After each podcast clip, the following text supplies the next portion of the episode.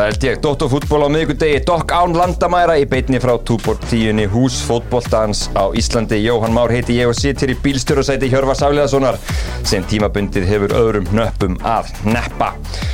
Þau eru hérna með mér í kvöld, tveir vel meinandi kallmenn, Keli og gablarinn sjálfur Sigurður Bond. Velkomnir, drengir. Thank you. Thank you, Joe. Það eru Amerikastæl, eru með Dóttarfútból. Teddy Ponsa var á Amerikastæl í Kóbói í gæðir og sagðist að það sé Birki Kristinsson, la- gamla landsinsmakkurinn. Hann var starstruck. Það Það er ekki sens að Teddy Bones hafi verið í burger og þriðið hann hefur verið í steikinni Jú, jú, já, já, já, hann hefur verið í- tvöfaldri. Hann hefur verið í Kevin Bacon Já, ok, það er, það er, enda, það er enda það sem ég fæ mér alltaf á Amerikastæl. Já, það er geitin í raun og veru Ég tími ekki að prófa neitt annað.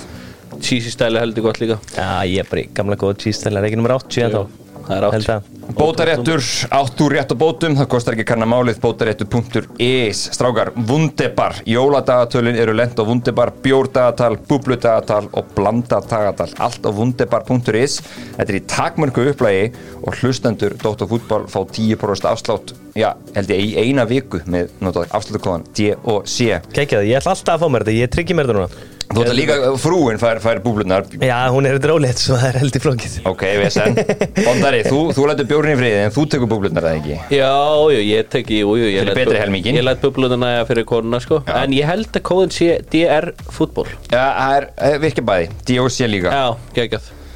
Uh, Má ég sjá? Ég var að nota þetta á annafla Já, vel gert, auðvitað. Herru, Dr. Fútból er vinnur.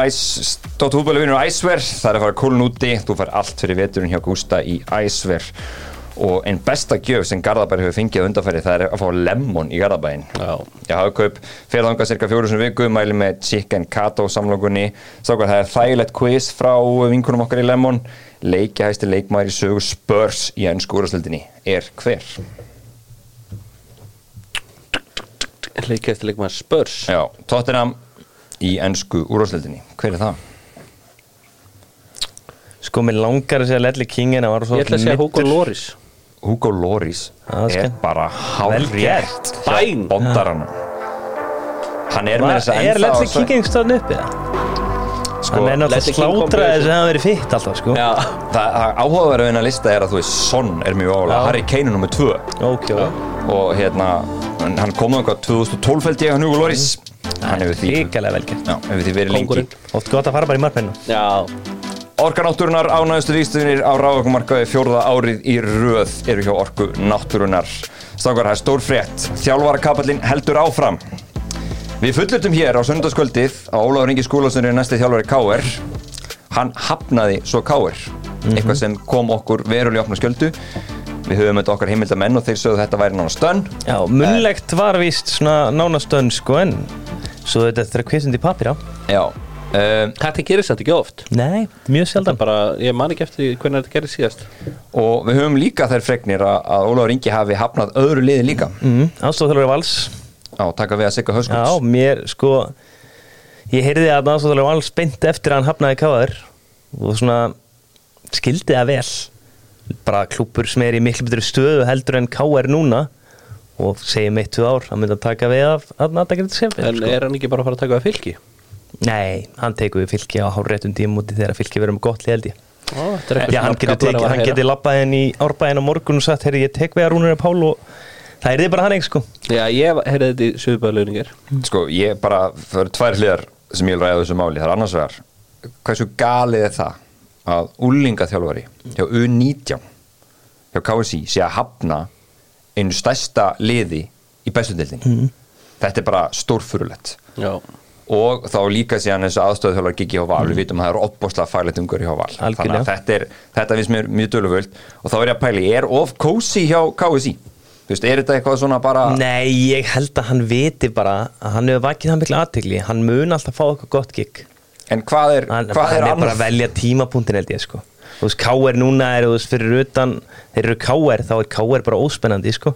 mjög spennandi Bara- lag. Þa, það er næsti punktur hjá mér sko nú er þetta orðin einhver fimm aðilar eða fjóra fimm aðilar sem var hérna bara hafnað Já, Hva, hvað eru þeir að segja á þessu fundum þegar þeir tala við þessa aðila ég held að, ég held að menn vilji bara ekkert koma inn að þjálfa þetta lið með þessa ömulegu aðstöðu og það er náttúrulega engin peningar til hana eins og við vita en ég held að þetta er bara núl spennandi jobb.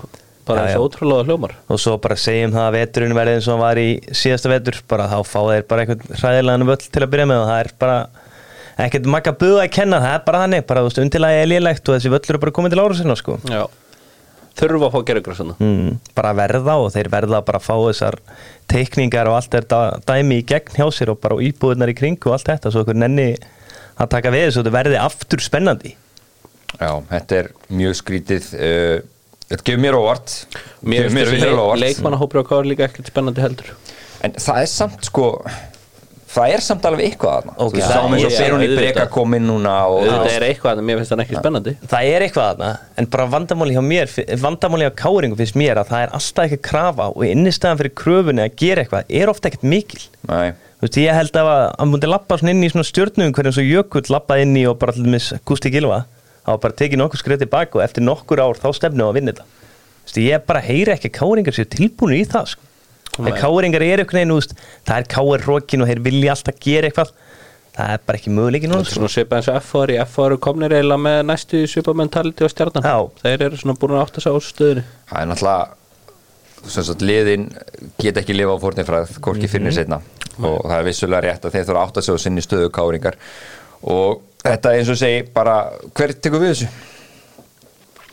Nú, það er erut, mann þú ekki að segja neitt núna. ég, ætla bara að segja þetta endi á Sigaraka sko. Sigurður Ragnar hann, hann, hann, býður og hann er klár já. En ég skil ekki akkur er, akkur er ekki bara búin að klára hann Því ég held að hann myndi fitta vel innan. Maður heyrir alltaf að þessu skota sem ég veit ekkert hvað er til í en það meikar alveg sens því að Páll Kristjánsson hefur verið mikið í Skotlandi bara síðustu tíu ára Já, örgulega með einhverja tengingar Já. ég veit ekki hvort þeir sé að býja eftir honum eða hvað sko. Þeir eru öruglega að reyna að fá Óla Jó En Óli Jó er hættur sko. Það var ekki vinsalt heimi á honum held ég ef hann myndi taka við þessu. Nei, já, einmitt. Ég hérna, sko, þetta var frækt viðtal sem Sigur ekki fór í það sem hann svona sagðist bara hafa mikinn áhuga á þessu starfi Mm. svo sem skiljanlega, þetta er stórt lið og þeir eru þá bara svona stærsta lið sem hann er þjálfa hér, á- hér á landi. Já. um, Greg Ræder, hann er alltaf umræðinni ég bara, þú veit, það, ég skil það ekki. Nei, bara, þú bara gleymi þessu. Bara, hæ, það er bara bull. Hann er búin að vera aðstofþjálfari á Höbru og undir 19 þjálfari upp á síðasti. Já, það held ég hvort það sé ekki sem hann í að var síðast í allavega. Þar undan gera hann ekkert spesluti með. Þór sko En í dag þá er gleðið dal upp í Úrvars Árdal eh, Rúnar Kristinsson var staðfyrstundi þjálfari fram. Mhm. svona með svolítið bara hreinlega svolítið pomp og prakt. Bara fjölmunu blagamannafundur menn gáði á tal bæði formaðurinn og, og hérna náttúrulega sjálfur Rúnar. Mhm. og mættu bara í eitthvað 40 minna spall strakt bara hérna hjá .net. Um, Mér líður ekki eins og framæðurinn séu að vinna þennan bara, það, það er upplifinu sem ég fæ. Já, ég er algjörlega sammála því og mér veist að það er geðu ykkur blaðmannafundur og bara Rú- mér veist Rúnar koma ógeðslega vel fyrir hana. Eins og hann gerir reyndar alltaf. En ég held að ég held að Rúnar viti eitthvað sem að við veitum ekki. Ég held að framsí að fara einhverja mjög eitthvað mjög góð uppbyggingu núna. Já. ég er alltaf potið búin að Já, lofa honum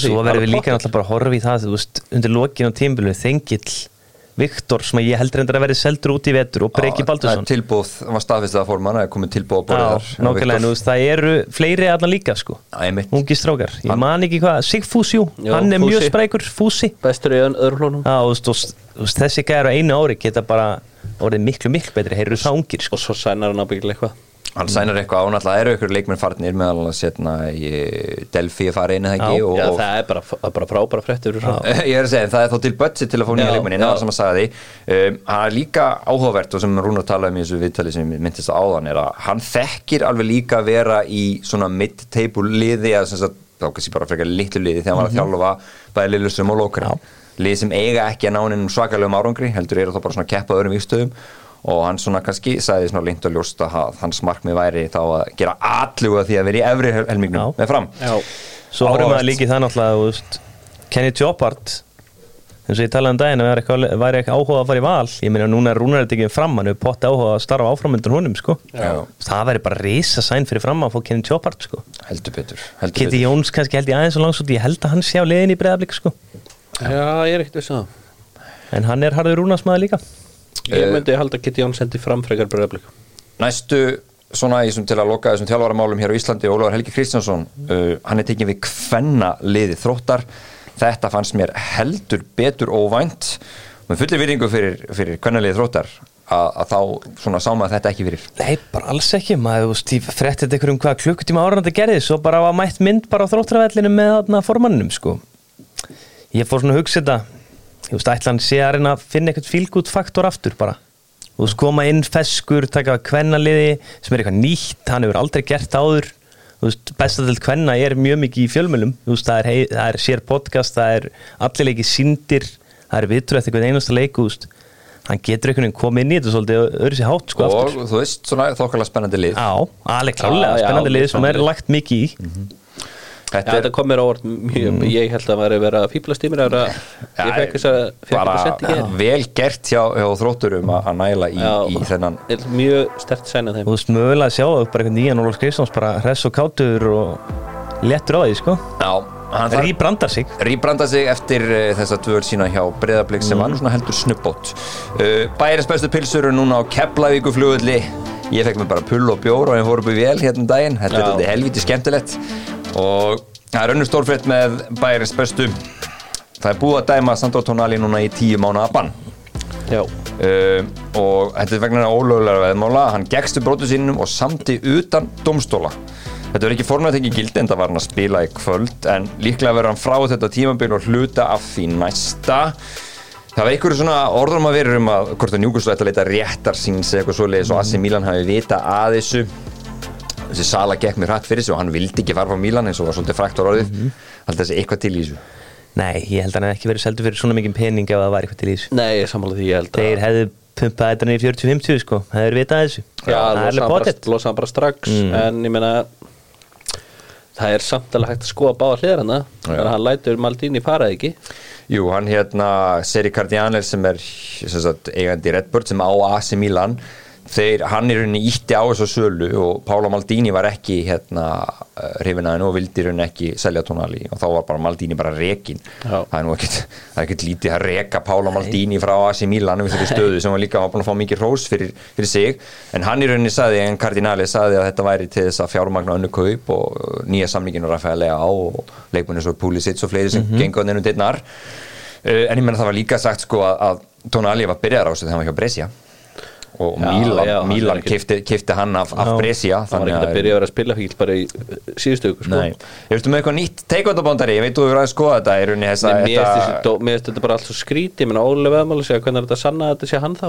Og, og að, hvernig gengur þetta svona ógeðslega hratt fyrir sig á Ítalíu? Er þetta ekki eitthvað svona Whatsapp skilabóð Það sem að vera. sem, sem er í rauninni að náttúrulega Það hlýtur að vera einhvern veginn, en Aðganga bara- símanum hans og tölvun hans og allt þetta. Það er verið og að þeir náttúrulega mér- játa, sko. mér finnst þetta bara alltaf langt bann ef hann er, ef hann er ekki að betta gegn sínu liði sko. Þetta er bara alltaf langt bann. Það má alveg fara að skoða að setja sniðu með þessum strákum bara og smögulega er bara hardcore spilafíklar. Já, Það er það er bara bara eins og þeim. Óli hann bara er í 250 Já, skuld það er líka bara hægt að fá þessi veist, Sandro Tonali bara einstæðsta vonastjarn og verðandi fyrirlið AC Milan þegar hann var þar og verðandi fyrirlið Ítalska landsins.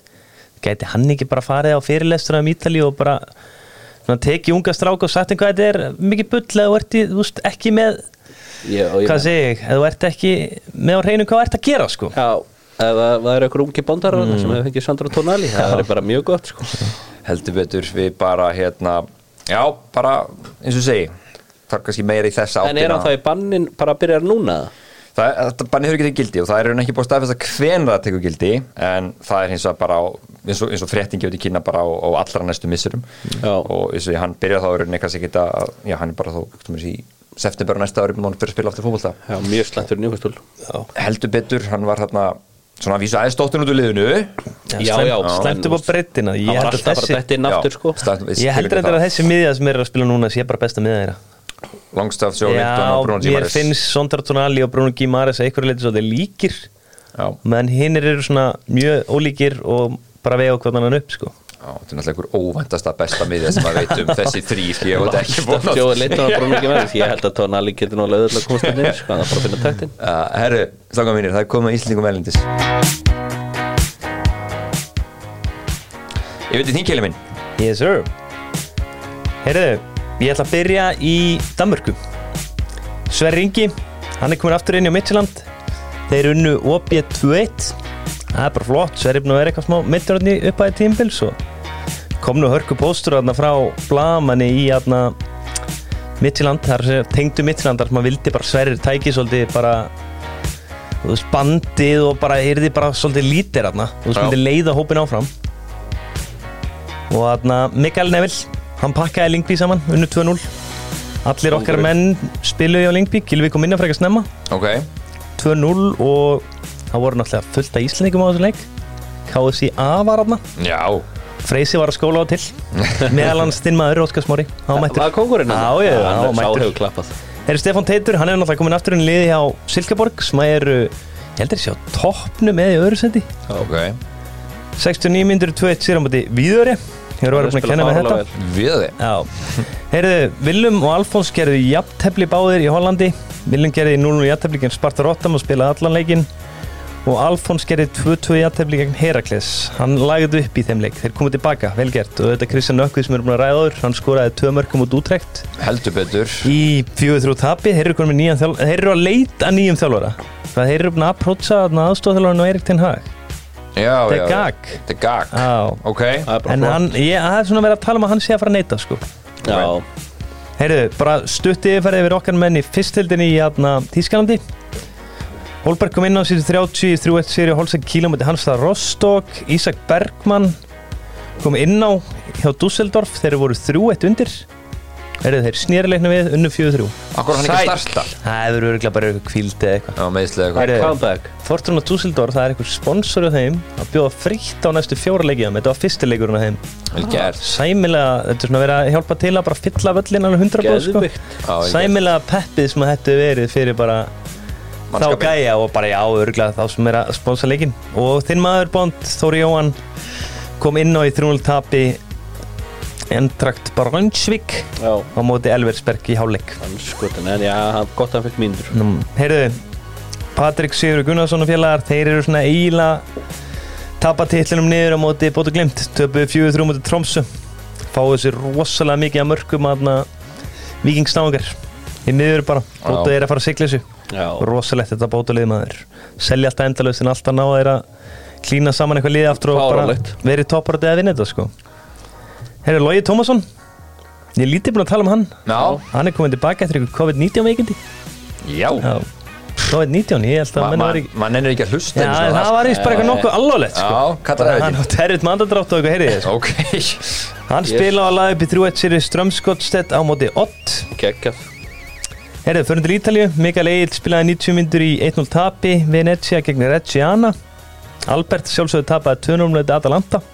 Spilaði allan leikinn þar sem vanlega Herðu Svíþjóð Elsborg, þeir unnu AIK 3-0 þar sem að Andri Fannar byrjaði einni og spilaði nánast aðleikin frútandi lokin. Svenni kom inn á síðan 10 Herðu, loka leikurinn í Svíþjóð. Það er Elsborg Malmö sem eru bara neck to neck á toppnum. Þetta geti bara verið svona stjarnan FH moment. Wow það er styrla dæmi. Geggjað. og það er svona veist, þótt Elfsborg jafnvel sko tapi næsta leikir í jættibli þá verður þetta alltaf leikur. það eru bara þrjár sko. Tveggjast eða munur. Davíð Kristján, hann var á sínum staði í liði Kalmar sem unnu Degafors 3-1 ég heldur sé að lenda annar ári í rauði 5. set sem er bara frábær árangur fyrir Kalmar. Sleðild að ná ekki að challenge að betri Európu Herru, Arnón Sig spilaði 45 5 myndur í 2-1 séri genn Milvól þeir eru náttúrulega bara að fara eins og Jóndal Tómasson að bana náttúrulega bara um kvílanandi í setnilegnum á, á hörætti þeir eru að fara bara hægt rólega með hann sko. Ég hef bara aldrei sé jafn- jafna deild núna á Champions. Ég er bara hvet fólk til að kíkja á þetta. Þeir eru utan lestir sem eru rosalegir. Já, og hann líka Ispis sem eru með, með þeir eru Já. tvöstu liðin. Hvað sagðirðu? Isp, Ispis, eins og köllum alltaf já, kallanir. Ispis. Ipswich Town, þeir eru hérna með þeim svona, þeir haldið þá en svo er sko bara frá, já, frá, ha? frá þriðja sætu niður í svona þrettánda. Þetta er eru þrjú svaðalegt. stig eða eitthvað Ef sorry Kili, Herðu, okkar maður Jökull Andrisson fekk red card í 2-0 tapi Carlisle á Ok. móti Wycombe. Þetta er Ponsefn að kenna mér að bera þetta fram. Wycombe. Já. Er það þú er talið á okkur? Já. Viktor, Gulli, Gulli Viktor sett hann í því miður fjögur eitt tapið á móti Union St. Kilos Það er, erum ekkert búnir hérna. Einu, nei, við erum ekkert búnir. Það er náttúrulega þinn maður Úlfur, gerði hann ekki eitthvað rosalega við hann var að setja þrennu fyrir dúk. Já, Það, það má ekki sofa því. Móti held ég Howard Mér veit ekki hvað skóli er. Það? Er rosalegt. Er það þá upptalið hjá okkur? Þetta var, þetta var sko, þetta var turbo yfirferð hjá Já. Kili Já, og svo er líka alveg hægt að minnast Vistu við erum á að Kristján er með 13 leiki 14 mörg og 7 assist fyrir allsar Já, Það er svona tengt því að Sigurður Gísli Snorarsson Bond, eða Bond Snorarsson náttúrulega stýrir bara Já. aðdáðanda klub hans sko. Stýrir aðdáendaklúbb hans. Við getum svona tróðið þessi inn í. Þetta voru Íslendingar erlendis með netto að sjálfsögðu Ég var nú að sjá það bóndari að það er eitthvað bras á áhærendatölunum hjá sátónum Já, Ég held það að mættu, það voru, það voru- það voru vestmanniða tölur á Steven Gerrard. Já, það er líka óspennandi projekt Já, það var, Það er hlæðileg mæting það þetta er eitthvað nálaðt Það bara er bara einn hendur svona á miðunni og það er ekki spennan Ég hef heyrt að menn séu svo til í þetta fara bara til sáti og það er engin pressa. Nóa peningur. Já, já, þetta er úrlega bara veistla Já. Þetta er bara svo að spila í vóðunum með eitthvað 700 miljónur á mánuði. En nákvæmlega það er Öðu, meistaraldin strákar Meistardeldin með Nokko. Og línur heldur betur farnar að skýrast svona einhverju leiti fara að draga til tíðinda. Ótrúlega skemmtilega leikir sem fóru fram í gær. Byrjum í Manchester í Ariðli. Bóndari, hvenær vann Manchester United síðast sannfærandi sigur? Það er komið svolítið síðan sko. Er það ekki? Jú, það er heldur langt síðan. Það var náttúrulega, móti Brentford var náttúrulega við sjálf að það var í klár sigur Hvernig fór hann aftur? 2-1 þegar Mark Tomin er komin á Það var ekkert að síðast tímbilu bara. Þetta er búið að vera En þetta eru three, in a row. Já, Já, Ég meina þessi leikur, ég meina Mér fannst FCK vera miklu betra aðlinni fyrir áleik það var bara ótrúlegt. Þeir voru í, þeir voru sko. í svo miklu basli sko Manstu nætt en Ten Hag gerir hárrétt skiptingi hálfleik setur Eriksen inn fyrir Amrabat og það breytist leikurinn algjörlega. Með að manni var með öll tök þangar til að skora þá detta er aðeins niður aftur en veist, mér fannst FCK einhvern veginn mér fannst það ekki líklegri að fara í jafnum leik sko. Nei, en þeir náttúrulega fengu svona hérna, voru nú aðeins að banka inn í lokin en þú veist, hann náttúrulega geðveika vörslu í 0-0 hjá, frá Leraker Já. og svo þetta víti, fannst ykkur þetta bara ekki þú veist, veist Maktóminni, hann sveiflar löppinni þarna svona já þetta var mjög óavitandi með einhvern veginn enga veginn að gera sér grein fyrir umhverfinu í endur síningunum finnst mér þetta ekki að vera viti Já, ég sagði nú við góða félagi minn bara, þú gerir ekki svona. Mér fannst bara förðulegt að sjá Atsjúri og Rasmus Fall bara heyri lúkuðu bara svo toppspilar í, Já. þú veist. Ég veit ekki hvað ég var að segja, City eða eitthvað já, sko. að Tjúri leitt fálega vel út. Já, bara lappa fram í mönnum eins og að drekka vatn sko. Falkar er líka bara að snúa hann á miðunni bara drullu slagur en ég menna því líkur kongur sem Harry Maguire er orðið núna. Menna hann leggur upp vinnarinn annar móti Brentford skorar á móti Sheffield hann er allavega að í að koma sér inn í, inn í þetta hjá Derek Ten Hag eftir að vera gjörsamlega þar út í kuldanum.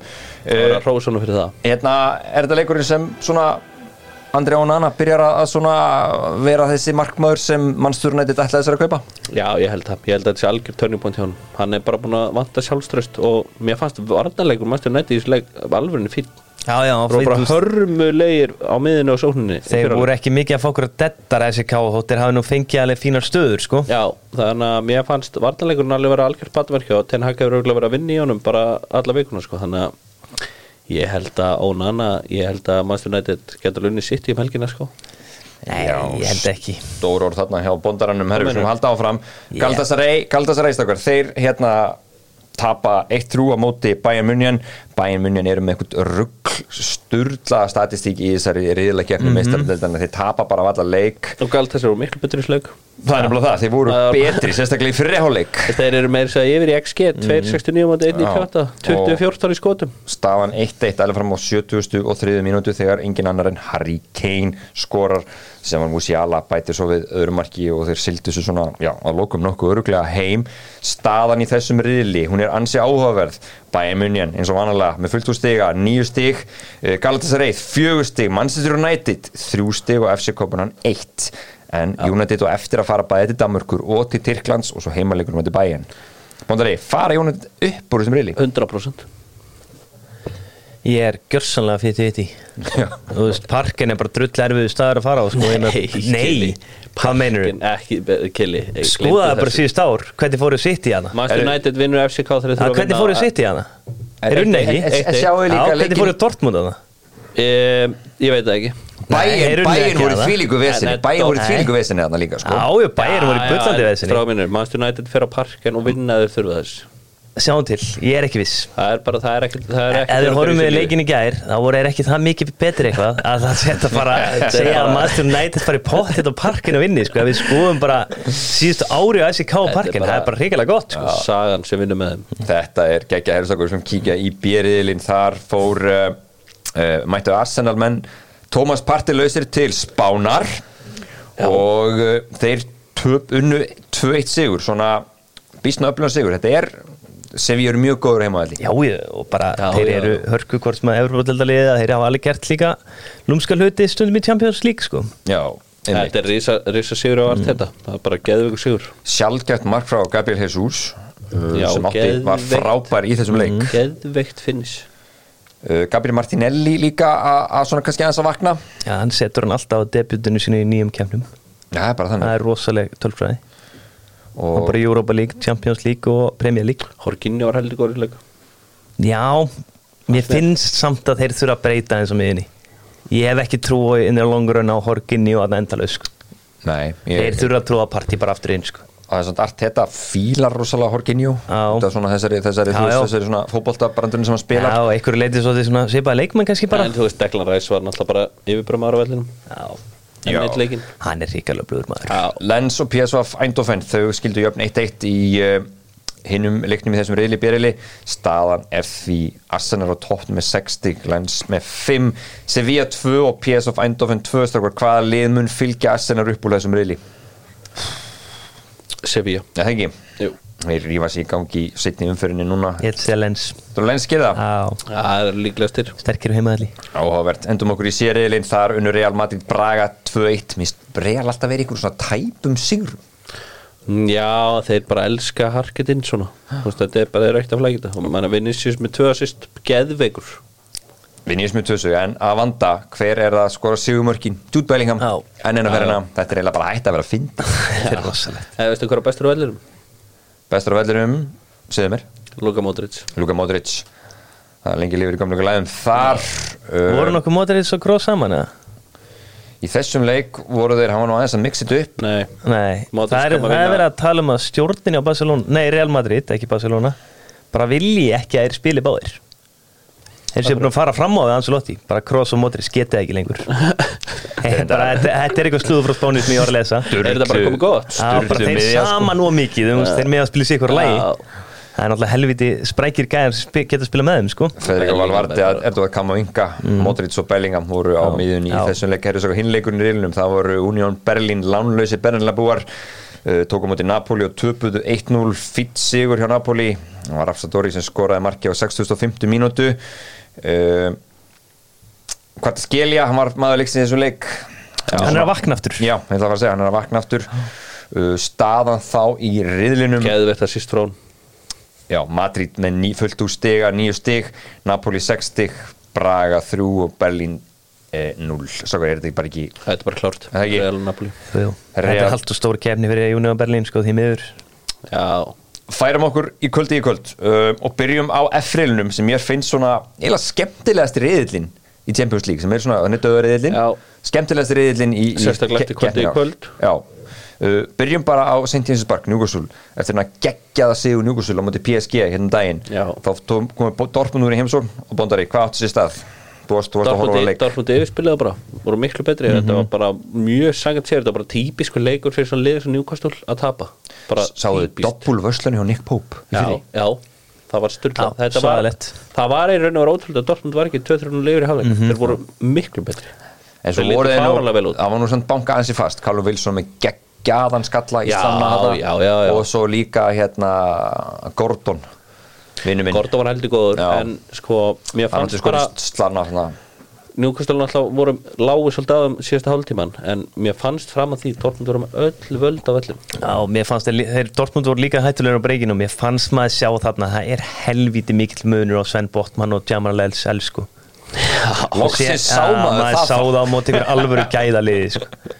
hann er ekki að fara að geta kæft þarna í einhverjum alvöru leikjum bara Botman var að koma hann sem kemur fljótast líka tilbaka inn sko. á þú veist, 25 minnir eftir og svona svo örgulega bara skrítið hann var, hann var ekki miklum takt fannst mér Nei. Nei, einmitt og náttúrulega svo sem örugla mikið, að ganga, sko. mikið að ganga hjá honum Nei. hinn leikurinn þessu riðli, þar tóku PSG AC Milan í kennslustund 3-0 uh, Kylian Mbappe, Randall Koulibaly og uh, hver skoraði þriðamarkið? Kang Lee. Kang Lee, varamæðurinn Mér finnst þetta ógeðslega spennandi framlýna hjá PSG þessu leik. Mm -hmm. Randall Koulibaly, Dembele og Mbappe sáuðu markið á með Mbappe Já, styrlað bara Þetta var svo klassist Mbappe mark þessi, hraði, þetta er svo rugglað hvað hann er í skotið. Já. störlað sko. hann svona er, finnst manni svona þegar hann er á sínum degi og einhvern veginn Já. stiltur þá er hann það næsta sem, sem heimsfóboltinn kemst í að vera með svindlkall. Já, þetta er bara endakall þá. Þetta er bara en, en mér varst, er mjög góð líka. Og hann, hann átjörnastrákurinn Já. Sær Emery. Já, hann var Emery. geðvik Já, hann er- hann er trilltur. hann var bilaður í þessu leik. En hvenar samt ætla er að fá sér alvöru miðju, þrýr alvöru gæðar Þú veist þessi Vitinja, alveg skemmtilegur En ekki nægilega hann góður. Já, þú veist, ég hef bara gaman á hann, hann er svona Ó, lítill og eitthvað. rotta. Þú veist, fáið ykkur einhvern alvöru gæja með Ugarte Já. og Saik Emery. Já, Já, þetta er, við náttúrulega tókum Eins- þannig Fabian Ruiz frá, Já, frá hérna já, þurfa að Napoli. fá svona Blaise Matuidi típa áttur Já, þeir þurfa að fá hann Þú veist, Fabian Ruiz er bara Það er kósi rétt. spilari sko. Já, Herðu, hérna staðan í þessum riðli hún er ansi áhugaverð. Þetta finnst mér skemmtilegt riðlin það er PSG 60 uh, Dortmund 4, Newcastle 4 og Milan 2, það er allt galopið mm. PSG og Dortmund. Já, ég líka þar. Ég held að Newcastle ná ekki áfram.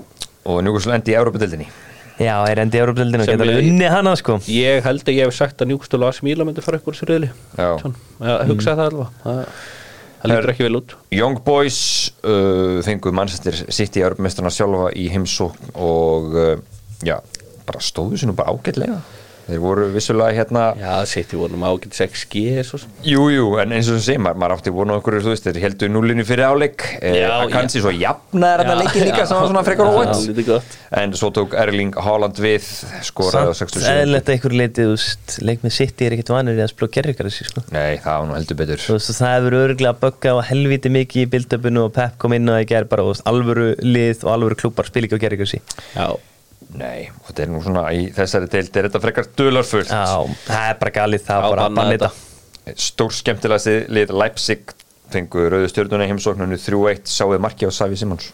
Já, styrlað Tjöfell er ég, hann, hann kemur alveg sífælt óvall kannski að því ég var búin að ímynda með hann sem bara einhver Instagram stjórnu sko. Já, en hann er bara, veist, Hann er er ekki bara efnilegast ekki að heiminn núna ég Sæk Emri er auðvitað líka með. sko. Mér finnst hann geggjaður og gaman að hérna þú veist, þessar reyfingar hjá Kobi honum Mæno líka. Já, Kobi Mænó, ég sá hann einmitt á móti FCK í Við 19. Við 19, töpu 1-0 Svo er leikmaður sem ég held að veri ég held að mögulega síðast að tímabilið svona hjá, hjá, hjá Leipzig, Dani Olmo. Já, hann er náttúrulega alltaf með þessa Barcelona-klásulu og þeir hafa oft hótaði að sæna hann sko. Já, hann er, mér, ég, hann er Þeir skemmtilegur eru alltaf að reyna að svona ná hann tilbaka, hann fór hann á þungur alvöru? Já, hann er skemmtilegur. Hann er skemmtilegur. Já, þið verðið bara að vera, þú veist, við verðum bara sammálum og ósamála það finnst mér ekki skemmtilegu leikmaður. Hann, hann er svona sko, hann, er svona með, með óspænskasta lúk sem ég sé Já, á nokkru manni, já. ég gefði það bóndari, hann er alls ekki svona Hann er góður sko en það er bara ekkit, ekkit spennandi leikmaður. Þegar hann var í Dínamo- Zagreb held ég þetta væri bara króat Já, hann er bara þannig Herðu, þetta er nokkuð augljóst þessi riðil hann er bara, það þarf ekki að spila hinna þrjá leikina, við vitum að City og Leipzig fara upp úr þessum Já. riðli. Uh, Herðu, það er í þessu okkar kjörum hann í gang, það er Barcelona Shakhtar 2-1 Já, sem að Fermin López spila sín fyrsta leik og leggur upp á skórar Já, ég hef þetta bara að fletta hvað ágætið maður þetta væri, þá er þetta bara 20 strákur beint úr Lamasja já, við komum svolítið inn á þetta eftir Það er náttúrulega svolítið mikið að, að, að ungu strákum að fá sensuna þetta út af því að Þetta er ekki leikurinn pening sko. sá þessu Nei. tímabili segi Hvað segir þetta? Fyrsti leikurinn sá þessu tímabili? Spilaði síðast tildin líka. Já, Slakast sem var allar eins Sjá, Felix. Þetta er, ég er að fá heila blófall Þetta er fyrsti leikurinn sem mestarallinu Mistur Já. þetta, ok. Já, já, við grunaða Herru, og svo var uh, Antwerpen uh, þeir töpuðu 4-1 á móti FC Porto, það sem Eva Komist- Nilsson skoraði þrennu, Komist eitt nú lifir komist einn og lifir, það er Svo vil rétt. það gaman að sjá Vincent Janssen aftur. Góð holning á honum. Já, Já, vá, tóttina ledsindið sá var slakur í prem. Sá var En þetta er bara típiskasti Porto sigur í heimi. Eitt nú lindir í hálfleik. Skipta Eva Nilsson inn á á fjörut Mhm. Bara ógeðslega góður. Veistu hvað það fór eftir prem? En hvert fór hann? Mexico Hann var lengi í Mexico sko. Já, það Það er bara þetta þrjú ár bara í Monterrey í kassinu sko. Men- Rúms men- kass í Mexico Ég veit Já, að menn eiga til að festast það kynja ekki bara það, sko. tígrisspelari. Já, bara Já. kóngur hana Herri, strákar, við ætlum að velja leikmann umförinni mestaröldinni í búið Dave and John, bestu döðlunar og netustikkin er ekkert eðlilega góð Mér langar að segja Andrei Onana eða Harry Maguire En ég ætla að segja Eva Nilsson Við getum ekki verið í seinni hálfleik, kemur inn á inn á 1-0 undir Gefa Já. mönnum maður umferðin að leika mot FCK sko. Nei, það er það, svo er það Þá er maður bara vorkennir sem meistur Ég held að Sir Bobby Charlton myndi snúið sig við í gröfin í bóndari og myndi velja Harry Maguire mann hann. Það er bara þannig Nei, hann var Ah. stoltur, hann var stoltur Hann var alveg stoltur, en bara hann- think bigger. Náttúrulega líka strákurinn hefur að setja Satt ekki í mínus Það Feyenoord, debutinn meinarðu? sinn. Já, Fænort Gekkið það. Hann- Evan Nilsson Tvö hjá. Porto fær þetta leikmaður umferðan í meistaröldinni í bóði Dave and John Það held ég Skulum bara kíkjast okkar örlítið í bestu deildina með steipustöðunni, Íslenskt játak uh, eins og sem búin að fara yfir allir þessi þjálfaramál en nokkar aðeins að fara inn á Davíð Þó Núna erum við í off-season, þá eru oft mörg skemmtileg viðtöl. Hann var að tala með hötta á fjóru til þýri skemmtileg spjalli, hvernig alltaf að skoða það? En þar fór hann aðeins inn á þetta uh, dómsmál sem Morten Beck er að reka fyrir alþjóða íþrótta áfyrirnandómstólum mm CAS minnst, minnst lítið tala um þetta. Það er ekki oft sem Íslands mál fara þarna í gegn þangað inn. Uh, og það er sannast þannig að eftir því sem ég kemst næst og það eru ekki miklar upplýsingur um að fá um þetta hann er með þessu að reyna að fá þessum úrskurði áfrunandóls og KSI feldan og gildi þannig að FH fari aftur í félagskeittabann Ég meina, þarf, þarf ekki Martin Beck bara, að halda kæfti ef það er búið að semja við ríkið er búin að semja við skattin og þeir eru með greiðsluplan í gangi og eru að borga, þú veist hvaða grín er þetta? Hann vil fá fæðingarólur sitt. Já, hann fær það bara frá ríkinu, hann fær það ekki frá FH þetta er hérna, þetta er mjög áhugavert og, og sagt, ef þetta nær fram að ganga þá ef ég skil heimildamæðis eru réttar í þessu að þá geti FH aftur verið að leiðin í félagskeittabann þetta er sagan endalösa og ég, ég hef nú bara ákveðna samúð með honum Davíð í þessu, hann virkaði nú bara hálf þreyttur þegar hann var að tala um þetta sko. Það var bara svona, oh, bara já. Hann vildi að þeir eru náttúrulega bara eins og segi bóndari, þeir eru búin að semja ríki þeir eru búin Já. að semja og þeir eru búin að gangast við við þessu öllu saman. En hérna Þú ferði ekki í stríði við Eitt Hald og svo Jón Rúnar sko. Þú Það er- ferði tapa það er því, það er alltaf sem- að fara út úr Ef það er einhver sem landstæðina að getur að er að vilja vil sko. já, þetta er það er þetta kongur. Og verður eins og segja áhugavert þetta gæti orðið raunin aftur. Skulum samt bara hreinlega eiginlega vona ekki. Við Nei, eina sem ég skriði því að ég veit ekkert um svona mál sko, þú veist, hef ekki einu sem lesið með almenna til um þetta nefnum bara hlusta á Villa og svo hlusta á Daví í einhverjum vitturum mér finnst bara einhvern veginn menn langt þú veist, þetta verður svo langt frá okkur öru F.A. segir að gera allt upp. Villi segir að þeir séu bara langt í frá sko. Mér finnst þetta bara svo skrítið. Þetta er fáralt mál, en Já. FH þurfa allavega á meðan þetta í gang, þeir þurfa að fara að drullast í gang og fara að sæna einhverju leikmann og klára að semja við leikmann sem eru nú þegar á klubnum Já, það eru rauninu að tala inn og og, að drífa sig í því já, bara til að svara til Kili þá held ég að það að tala það eru mér svo drátt af svona slíkt sem, Já, já, sem, já. sem, sem vantar upp á það er svo líka bara Morten Beck skuld að örgulega helviti, mikið pening sko Já, já, það voru náttúrulega leikmannasamtökin sem voru að greiða fyrir Ah, ok. þetta allt saman Ok. Íslensku leikmannasamtökin Jesus. og alþjóð leikmannasamtökin held ég núna er að reyka máli fyrir kass fyrir hönd vilja þannig að þetta er, þetta er ansi áhugavert já, já, en ég meina Morten Beck var bara að skamma sín bara eftir hans dvöli að fá Herru, við skulum hérna, þakka Valur er að næ- að næla sér í Valgi Valgesson, við tölum um þetta hérna um, uh, um daginn. Uh, Ég ætla að pæla í þessu, ég veit að Valur er búin að svona, þeir eru aðeins búin að step up the chase á Valgi núna. Valgir er svona, hann er, uh, já, hann er eiginlega fastamæður núna í, í hérna Örebro, Já. sem liggur í næst eftir deldi Svíþjóð, hann er að sp- hefur svona spilað 15 og 20 leikjum, komið inn á því 6. Mm -hmm. Þess að byrja 15 og 17. Já. Hvort er stærra að vera í rauninni, vera byrjunarleikmaður í, í Val sem er í Árbjörnkefninni eða vera atvinnumæður í annar deildinni í Svíþjóð maður í annar deildin síðan já ekki nema þú sér já, atvinnum stærra, er það stærra það? Er þú ert það? alltaf í stærri klugga Já. að- sko ég myndi segja atvinnum í annar deildinni Svíþjóð eða þú ert í topplið Já, eða þú ert í Helsingborg Já, og einhverju svona liði sem að gæti farið upp og bara orðið alvöru lið í efstu deild en ef þú ert Já, í er svona er harki í neðri hlutanum þá ertu að- eiginlega bara betur settir í vala mínum að sammála því. sko. þetta eru 16 liða deild og ég herti séu í tíunda sætið Já, já, já, Þetta þeir er ekki- að sko. ekki mjög merkileg deild, ég er búin að horfa fullt að leikum en það er góð við með sem spila hana Þetta er Mm. ekkit eitthvað rosaleg deild sko Ef þið myndu vilja losa hann fyrir eitthvað sanganda pening og valur tilbúið að kaupa tilbaka, ætti hann að fara Í val Já, Valgir Ég minna að það sem maður hefur heyrt hann hefur ekkert verið eitthvað stórkostlegur hann sko. Þannig ég efast um hann sé að fara að fá eitthvað stærra múf Nei. Þannig ég held að vera bara geggja fyrir hann að koma heim og fara í val. Já, ég meina ef hann hefur ekkert úti eitthvað múf þá myndi ég örgulega bara koma í val. Hann er ennþá þá ungur og hann getur bara að fara aftur út sko. Já. En ég, þú veist, ég myndi samt ef ég verð hann var ég ekkert að drífa með eitthvað heim sko. Það Það er er eitthvað rosalega stress Nei, sko. það er annar maður sem er deild sem getur líklega að koma heim líka sem hjúts og þið hjúts fyrir liði í Garabæ Já. Alex Þór Haugsson Já, hann geti komið heim. það er líka valurinn að ná hann líka. Já, hann Heldur kemur bara ekkert óvart. Hann, mun, hann er stjörnukall held ég. Ég held að hann Já, kemur ekki heim í val. Það kemur rosalega óvart. Er ekki alltaf sæðlarnir sem telja búin Mm, Já, Jú, jú. hann er úgarðabann blessa það er alltaf hægt að finna eitthvað að segja líka hann er Já. reyður frá garðabenn og Já, það er er kast til þar. En Þetta er áhugverð, það var í, það var í hérna, feitu bitamarkunum Já. Það er stór. Herri, við skulum vind okkur bara í ennskúrúslutina Ennski boltinn með Simin Pay minnum á léttkortið. Og svo sjálfsögðu líka stór bjór, verður stór bjór á Kaffi Krús Tommy tekur vel á mót öllum. Uh, Við áttum verið bara eftir að fara við eitt leik. Það er Tottenham, þeir vinna alla leiki. Unni fúla núna á ándaskvöldið bara alltaf frekar solid eiginlega sko. þú veist ekki alltaf. Þeir voru bara sem ég Sheffield og fleira en mér finnst þeir alltaf bara frekar solid út af vellinum sko. Já. Og þetta er frekar samfærandi sko. Hvar væri Tottenham ef Harry Kane var í liðinu? Þeir bara eftir já já, þeir verða eftir en þó sko. þetta er ekkert eitthvað Harry Kane eitthvað hann sé ekki, þú veist þeir eru náttúrulega bara nýjan þjálfur og spila allt öðru sér fótbolta og Harry Kane myndi bara fitt eins og flýsur rassi þetta sko. Já, já, að Harry Kane bara þetta væri bara veistla sko. Það eru einhverju svona, einhverju profesorar um bæina vilja meina það að Harry Kane myndi draga úr stegafjölda Já, spurs það er veist að það er alltaf langt Það er alltaf til já, nóg bara að ekki einhverjum svona sko. jólasinn sem þvæla bara eitthvað sko. Þetta væri bara líka ásett að Harry Kane væri þarna það er bara pottitt Hann væri langbæst í gæðin í sér liði menna, eina sem ég er tilbúin að segja hafi kannski gefið Tottenham að Harry Kane að fara er að sonn einhverju fekk kannski hann er núna Bachmann sko, hann er ekki Robin en þá sko. Já, og fengum Mattisson líka sem er bara búin að vera bilaður.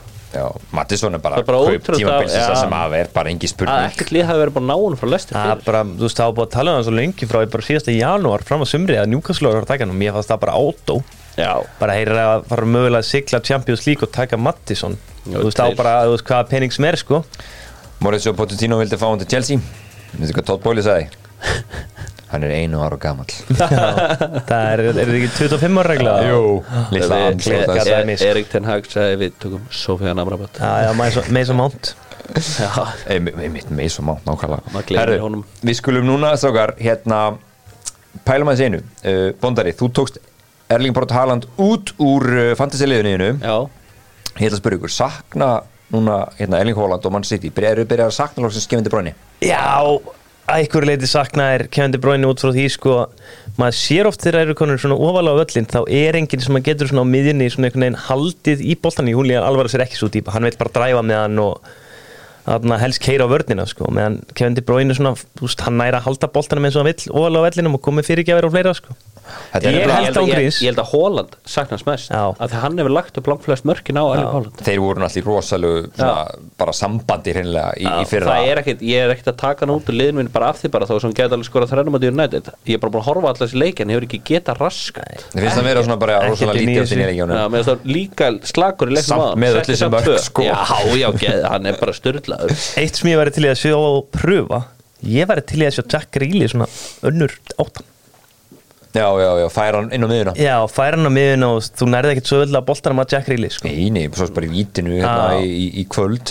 En sko ástæðan fyrir erum svona velta þessu fyrir okkur vegna þess að Manchester City er í níunda sæti skoðu þeir, það sem XG þeir að skoða yfir þessa leiki. Núna, þeir eru sem sagt, samkvæmt FBRF sem sagt, e, síðunni þá eru þeir með 15,6 í XG Þeir eru vísum búin að yfirskora það rosalega mikið. Þeir eru búin að skora náttúrulega hérna í 23 Þeir eru búin að skora 19 mörg Það ekki? Það make a sense Það bara- bara, fá þessu sjö, það er rétt. Þannig að þeir eru hérna standa sér fáralega vel auðvitað hvað þetta varða en Mhm. bara þetta er lélegt XG með mann City. Og maður hugsaðar, það vantandi bara einu. Já, líka bara með það, er- það er eitthvað við þetta liðin og þeir eru búin að vera drullu mér finnst það bara búin að vera drullu slæki með að Já, og líka bara, maður horfir í það þegar líður tímbili, það er ekki saman breytt af það sko. og hefur verið síðust ár maður, ég, ég held alltaf að sitt í þessi fara að vinna þetta og ég er alveg ennþá þar en maður er ekki af samfærum maður að vera áður. Ég er ekki vissan Þeir eru búin að vinna þetta oft, kannski setja þér bara meira púr í meistaraldin aftur. Ég held að Arsenal vinna þetta. Samt áhugavert, við erum að tala um þetta núna. Hann er Erling Haaland er með nýju mörk í nýju já. og Það er þeir eru í ágætt. þriða sæti og þeir eru tveim stigum eftir liðinu eftir sæti þannig að þetta er slagt sýttilið Mhm. það segir alveg sko þessu ótrúlir þeir eru. Herru, maður sjá við skulum taka kíu uppgjörið fyrir uh, Strákar, hver er leikmaður umferðarnar? um helgina Já. Mér finnst þetta erfitt Diego val. Taló Diogo Daló Nei Ég er eiginlega bara Olli Já. Vodkin sko. Douglas Lewis, gefum honum þetta Douglas Lewis, hann setti tvö. Nei, við verðum að gefa Jacob Murphy þetta Jacob Herðu, hann á vara aldrei- hann aldrei eftir að fá þessu velun Nei, gefum honum Við verðum ekki að hafa Já, svaðal Ég er til í Þetta þetta, mark var bara, það er aldrei að gera þetta sko. Ég horfði á það var leik ég var bara, auðvist, hvað í anskotanum er í gangi? Hvena fór þessi gæi sem búin að vera svo geðveikislega afrits fótboltamæður í þessari dild við sko vera nærði að vera champions spilari heldur en að vera proper Premier League spilari. Ég hugsa bara, mér finnst til dæmis bara Jóhann Berg betur en hann Háskilur, pæli í því. Já. Bara, þú veist, hann er geggjaður með svona Þú veist, ég myndi segja svona meðaleikminn í ennsku deildinu bara Já. gera og bara íta þeim ofar. Já, alveg ótrúlegt. Fárárlegt, ég meina Jacob Murphy núna Almiróni fyrra. Mhm. Það er alltaf mesta, eitthvað mesta bilun Já, bara já. í sögunni. Já, Það er bara meira en Anthony Gordon skilur þú veist, bara að setja hennan pening í hann og treysa hann á hann er svo rosalett uh, leikmar umfyrirnar Jacob Murphy óvænt. Mm. þar þjálfar umfyrirnar Þjálfur umferðarnar Þjálfar umferðina Vá, þetta hefði svo mikið verið pokkarinn, Er sko. það ekki Thomas Frank eða? Thomas Frankarinn Bara þægilegu þrjúlu sjóru Já, en samt til ég að gefa þetta líka bara á Una Emery sko Þeir eru búin að vera í brasi með á lengi eins og við tölum um fyrir helgi Og búin bara að vinna á rock Og búin solid. að vinna 11 heimalegir Já. röð. Þetta er að Emery Já, að því Una Emery þjálfar Við reyndar ekki velja út tegum en við gerum það því Hjörvar er ekki hérna Já, Já. við stelumst í það Við núna. völdum Við völdum, við völdum Murphy Já, það völdum við þetta Það var ekki Doggy Lewis Hver fær að vera búðingurinn? Búðingurinn. Búðingurinn í Það eru þessu- nokkrir- það eru nokkrir Það er- búðingar til það er- Það er Það bara er að Jóngerinn. sjálfsög Nei, það er Sanchez. Það er Sanchez Sanchez. Chelsea. Uh, Robert Stóri Sanchez. Já, Já, sá ég- rævill Ég bara skal alveg kvitt undir það Hann, það var ekkert í kortunum sem að bara maður sá að Arsenal var að vera jafnarleik, ekki neitt. Nei, og svo þeir hugsa voru maður líka svo slagir Ég er nú stundismæra sem markmenn sé að spila fram en í þessari stöðu á móti Arsenal Bara tvölu Hamrar honum ekki bara fram. Það var líka búið að setja Jackson inn á Já. Til þess að vera þessi aðili að taka mútið boltanum ja. frammi. þetta er bara engin spurning. Þetta er bara alveg hárrétt hjá okkur. Uh, Robert Sanchez tekur þetta á kassan. Hann hefur gott að því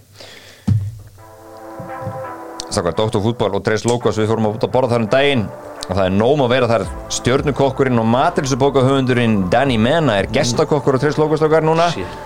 og hann er frá 50. 27. til sunnudagsins 29. og mun hlaða í 5 rétta special matsill ég var að panta, ég er að fara 20. og og ég er að fara nú fyrst Já. Já, ég ætla hann að fara bara núna á lögadaginn, engin spurning Ég er einmitt- ennþá laust Ég er einmitt að vinni að rýbranda þjálfaratemmi á Breiðablík Valdi Vald, Eo Hins og Dóri Átna sem Tres Logos Já. Já, Herru, fendum okkur til Ítalíu. E, Hvað hérna Stökkur, mér bara horfa á töfluna. Minnst Inter, Milan og Juve eru að fara að fá alvöru svona old fashion þryggja hæsta hlaupum titilin Ég hef ekki trú á Júve Þeir er eru mjög slagtlið sko. Horfum bara upp byrjunlega Ég trú ekki að það er haldið út sko. Þeir, þeir unni núna í Milan um Já, já, það er alveg rétt sko. Þeir geta alveg sett upp í svona einstaka leiki sko. Hafa verið solid hingað til En ég, mér finnst Inter og Asi vera með miklu betur lit okay. Og ég, þú veist, ef Asi menn verður út tímbilið Ég er sammála því, mér finnst þeim bara sterkasta liði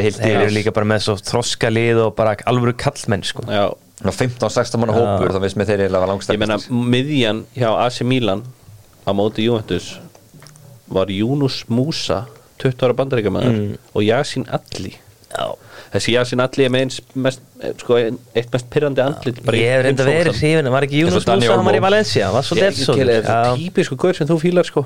En bara Ég er náttúrulega hálfu einn áttundi kanni sko. Já, en Bara mér svo mér finnst En Kelly, er einhver styrlu staðreindum þetta markja mér á? Locatelli er rosalega staðrind Sko, fyrir árum síðan þá skoraði hann fyrir AC Milan og móti Juventus.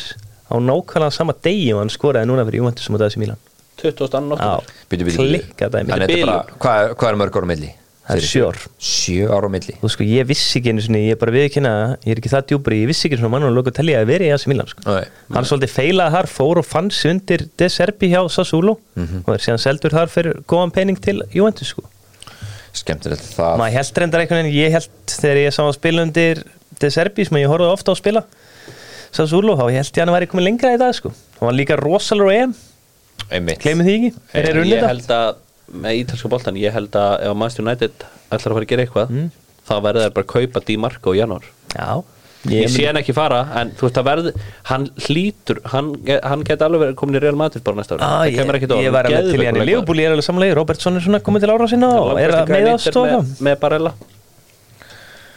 Heldur betur. En, eh, en ég minna að það var annars annars gerðist ekkert eitthvað mikið í Ítalíu ég minna Rómaunu, Rómaunu enni Já, Þórsjör, fjóri Stefan El Seravi og hann alltaf skoraði vinnirinn og var svo trilltur til leik. Herðu, það var hann, skemmtilegt. bara, hann var bara gráti næst. Já. það veist ekki vera partur af þessu hérna, veðmála hnyggsli öllu saman. Var og rosa eh, hann, ég meina hann er gengið það langt að hann er komið með lögfræðiteimi sitt í að lögsækja hennan bladamann sem að var að droppa þessu alltaf gott menn elda þetta hann er bara trilltur, Já, ég fíla það. El Sharavín maður. Og gutt sitt, lögfræðing Sjáðu ekki líka Móra, við megum ekki glemma honum.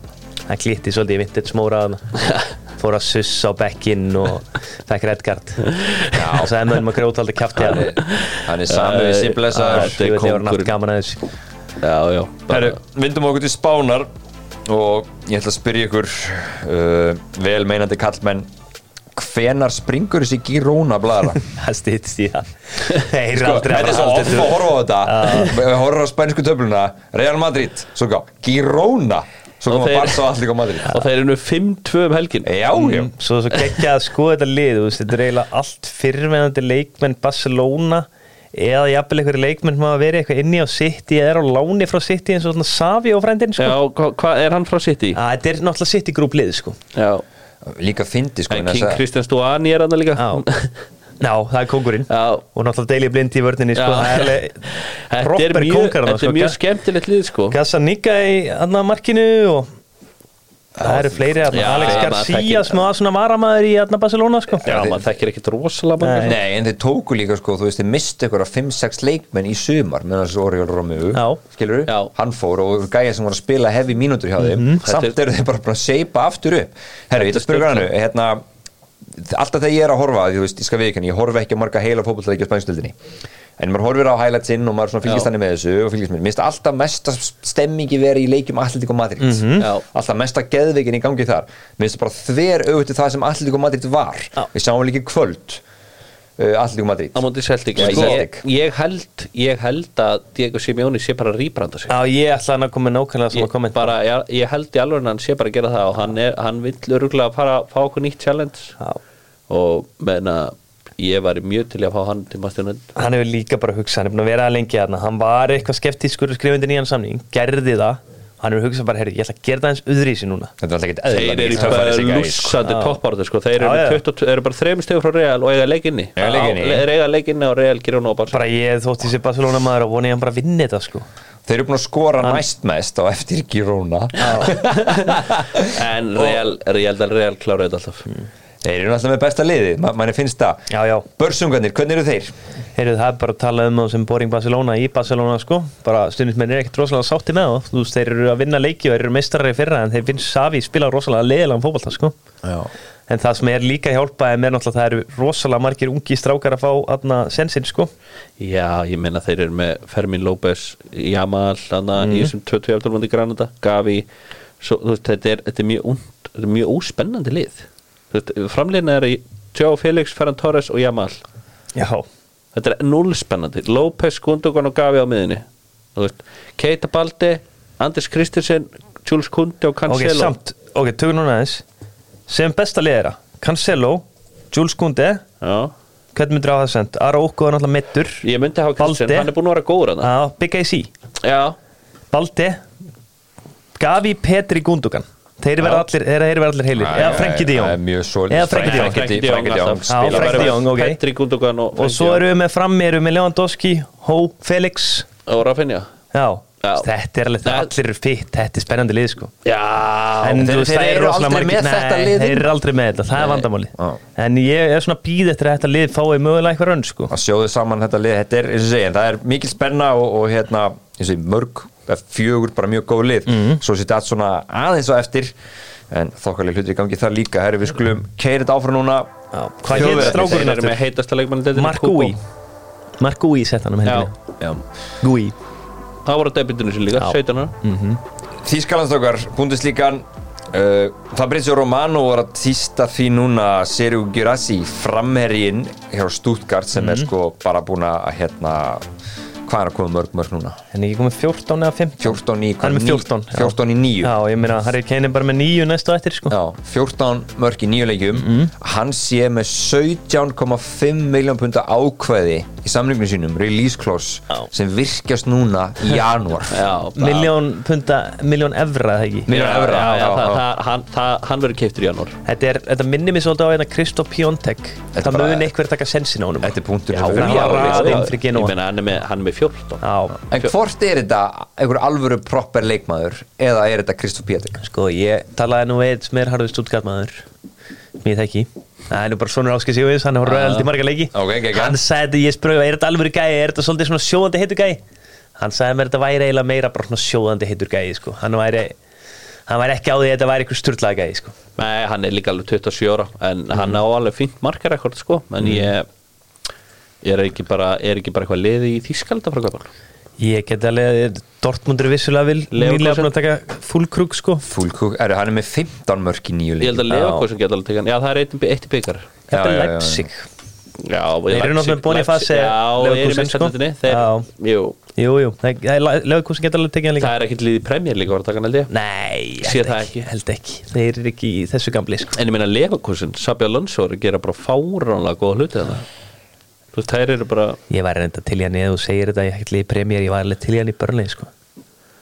Ég var alveg til alveg gaur í já Ég held þú væri, ég held í augnablíku að vera að meina Sabi Alonso ætti að koma í börnli eru Gurasi, ég var til hann í rassi, það var flottur mannjú líka fyrir Martial sko. Já. bara geðu ykkur, en ég þetta er mjög skemmtilegt deild, þetta er svipað með Spánsk, þetta er leiður hversu Stuttgart bæði minn hjá Dortmund. Já, en er þetta samt ekki alltaf bara að enda þannig að bæinn vinnur þetta lókum? Heyri, ef við skoðum tölfræðin árinu Já. þá er náttúrulega Dortmund með flest point per game bara á árinu í topp 5 deildunum. Þeir eru eitthvað, það er eitthvað við á að, svona, mér finnst aðeins meira samfæra þar áður sko. Skemmtilegir í kvöld þeir voru Já. geðvikir í kvöld Geggjar í kvöld Já. og Edin Terzic sem tók við hefur ekki tapað svakalega mörgum leikum Nei, sko. þetta var mjög svona ódortmundilega framistæða Já. með síðust ár Mhm, bara klálega. mæta útvöldi mestallin og mjög að Nei, En það er bara svo við förum Ég lifi í draumið sem Dortmund maður bara þeir vinna þetta Eftir já. bara lokaleikinni fyrra ég bara. Staðan í dildinni er þannig núna að, að sko bæjarn eru náttúrulega bara í hvað, Þriðja þriðja seti Já. Já, Leifkursin er fyrsta og Stuttgart í öðru. Menn einu stöð þeim og svo eitt stig niður í bæin og Það er ekkert svakalega gott væp í bæjarn Núna er eitthvað verið að tala um að Jamal Musiala sé jafnvel að gefast upp hann því að hann sé ekki nógu sáttu með spiltíma sinni á Thomas Tuchel. Þú ætlar að finna um þú klúra Jamal Musiala. Leroy Sa- Leroy Sané er alltaf verið að tala um að hann sé að fara aftur til Englands bara út af kæristunars Já, Hún vil ekki sjá það að búa þarna sko. Já, ég menna, þið horfðu á hann að leika til, sko. Galatasaray, þeir bara, bara lítið bara mjög illa út í Já. Já, þetta er eins og segi ótrúlega spennandi del Dortmund í fjórðarsætti með 20 steg Bayern í þriðja með 20 Stuttgart í öðru 21 og Bayern Leifur svona toppnum með 22 með 8 mörki pluss vel gert og Já. Þau vil er hann að elda þarna hann, hann Sabi Viktor Tekur hann ekki bara reallega Jú, það er klárt. Já Þetta er, Ancelotti veit í Brasil og Sabi tekur verið real.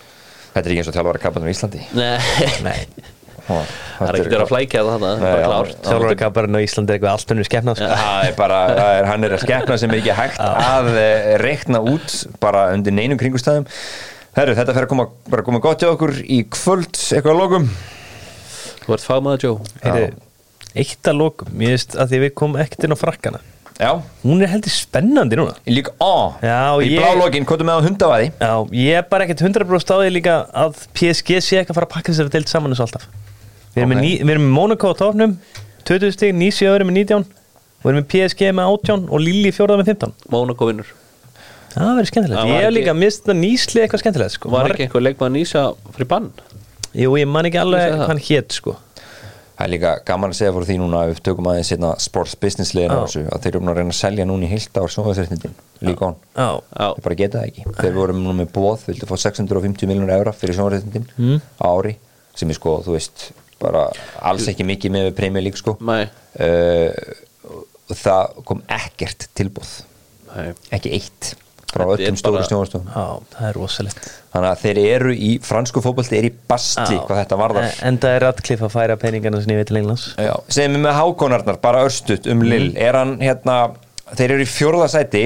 Já, Er hann svona, hann er inn út úr þessu? Já, hann er búin að vera út upp á síkasti sko, þetta er líka bara hörku gott lið sko, við verðum bara að kefa sko. Hákon smá tíma alla. Já, við gefum Hákon Það veist, þeir eru með til dæmis manni eins og Remi Capella sem hefur verið í þessari spila- deild lengi sko bara bænum. spilaði korter. Þetta er bara, Þetta er bara það er bara geðveikt Það er bara 12-13 maður. Þetta er bara svo Óri Óskars kemur inn á Old Trafford Þetta er bara draumar rætt, þetta er bara geðveikt bara vera, vera að vera rólegir bara. Hann er En lill, bara út sko. frá því að þú veist, það hafa ekki margir Íslendingar meikað í annan fröskuldildinni Nei, en gleym ekki svona gaurs með svolítið líkurunum Kalli Þórar. Það er langt síðan. En ég held að léttir? Ég held að vera að koma okkur að negli uh, Herru, þetta, við skulum bara fara að segja þetta gott í byli Þakka ykkur kjærlega fyrir þetta ringir Þeir eru tveir, tveir velmeinandi kallmenn uh. Dóttu fútból snýr aftur á föstudaginn. Þá verður Jói skúli með ykkur. Takk fyrir okkur í byli Takk